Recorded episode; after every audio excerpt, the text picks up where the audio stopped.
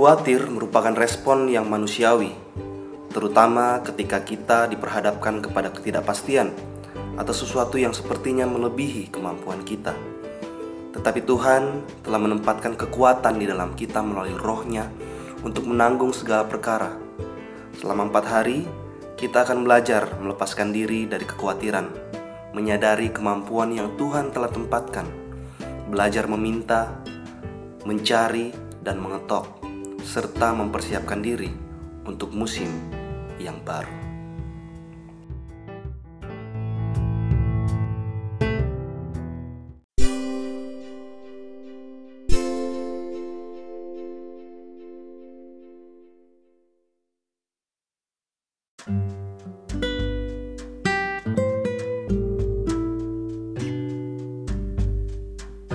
Oke, kita masuk di renungan hari terakhir dalam renungan menyambut musim yang baru hari yang keempat eh, ayat-ayatnya dari pengkhotbah 3 ayat 1 di situ dikatakan untuk segala sesuatu ada masanya dan untuk apa pun di bawah langit ada waktunya.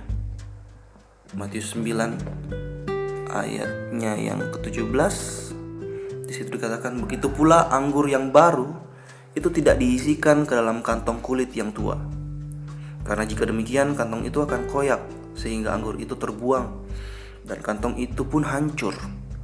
Tetapi anggur yang baru disimpan orang dalam kantong yang baru pula dan dengan demikian terpeliharalah kedua-duanya. Ayat yang terakhir Filipi 4 ayat 13 sangat terkenal. Hmm, segala perkara dapat kutanggung di dalam Dia yang memberi kekuatan kepadaku. Nah, renungan hari ini berjudul Anggur dan Kantong Anggur yang Baru. Anggur dan kantong anggur yang baru. Nah, untuk segala sesuatu ada masa dan waktunya. Alkitab katakan. Berarti ada masa saat kita harus menikmati atau paling tidak belajar dari masa tersebut. Dulu ada masa PSBB itu sudah selesai.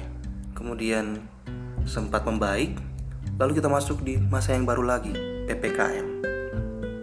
Tetapi bukan berarti kita kembali ke masa yang semula, sebab coronavirus, corona ini masih ada dan pandemi ini belum berakhir.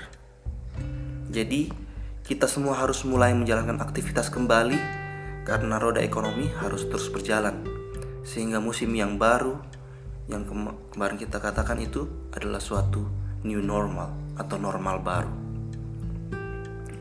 Ada ilustrasi yang sesuai yang Yesus berikan untuk menjadi pedoman kita. Di, yaitu di Matius 9 ayat 17 yang kita baca tadi, begitu pula anggur yang baru itu tidak diisikan ke dalam kantong kulit yang tua, karena jika demikian kantong itu akan koyak sehingga anggur itu terbuang dan kantong itu pun hancur. Tetapi anggur yang baru itu kita simpan disimpan orang dalam kantong yang baru pula, ya kan? Dan dengan demikian terpeliharalah kedua-duanya.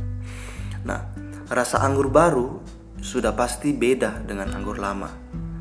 Dan kita mungkin lebih suka dengan yang lama, yaitu sah-sah saja tetapi anggur lama sudah tidak ada lagi, sehingga mau tidak mau kita harus belajar menikmati anggur baru. Demikian juga dengan musim sebelum COVID-19 ini yang sudah meninggalkan kita. Kemudian anggur baru juga disimpan dalam kantong yang baru, ya kan? Anggur baru tidak bisa disimpan dalam kantong yang lama, sebab kantong lama itu akan hancur sehingga anggur baru bisa menjadi terbuang dan tidak bisa dinikmati. Kata disimpan di sini artinya tidak untuk dinikmati sesaat ataupun langsung diminum habis, tetapi untuk dinikmati dalam kurun waktu yang cukup lama. Teman-teman atau saudara-saudara, beda antara kantong yang lama dengan yang baru adalah elastisitasnya yaitu kemampuannya untuk menyesuaikan diri. Kantong bicara mengenai wadah, tempat, dan bisa juga diartikan sebagai suatu organisasi, tempat kita kerja, berbisnis, dan beraktivitas. Bahkan gereja pun harus menyesuaikan diri dan keluar dengan metode atau cara yang baru, sebab metode bisa merubah, berubah sesuai dengan perkembangan masa.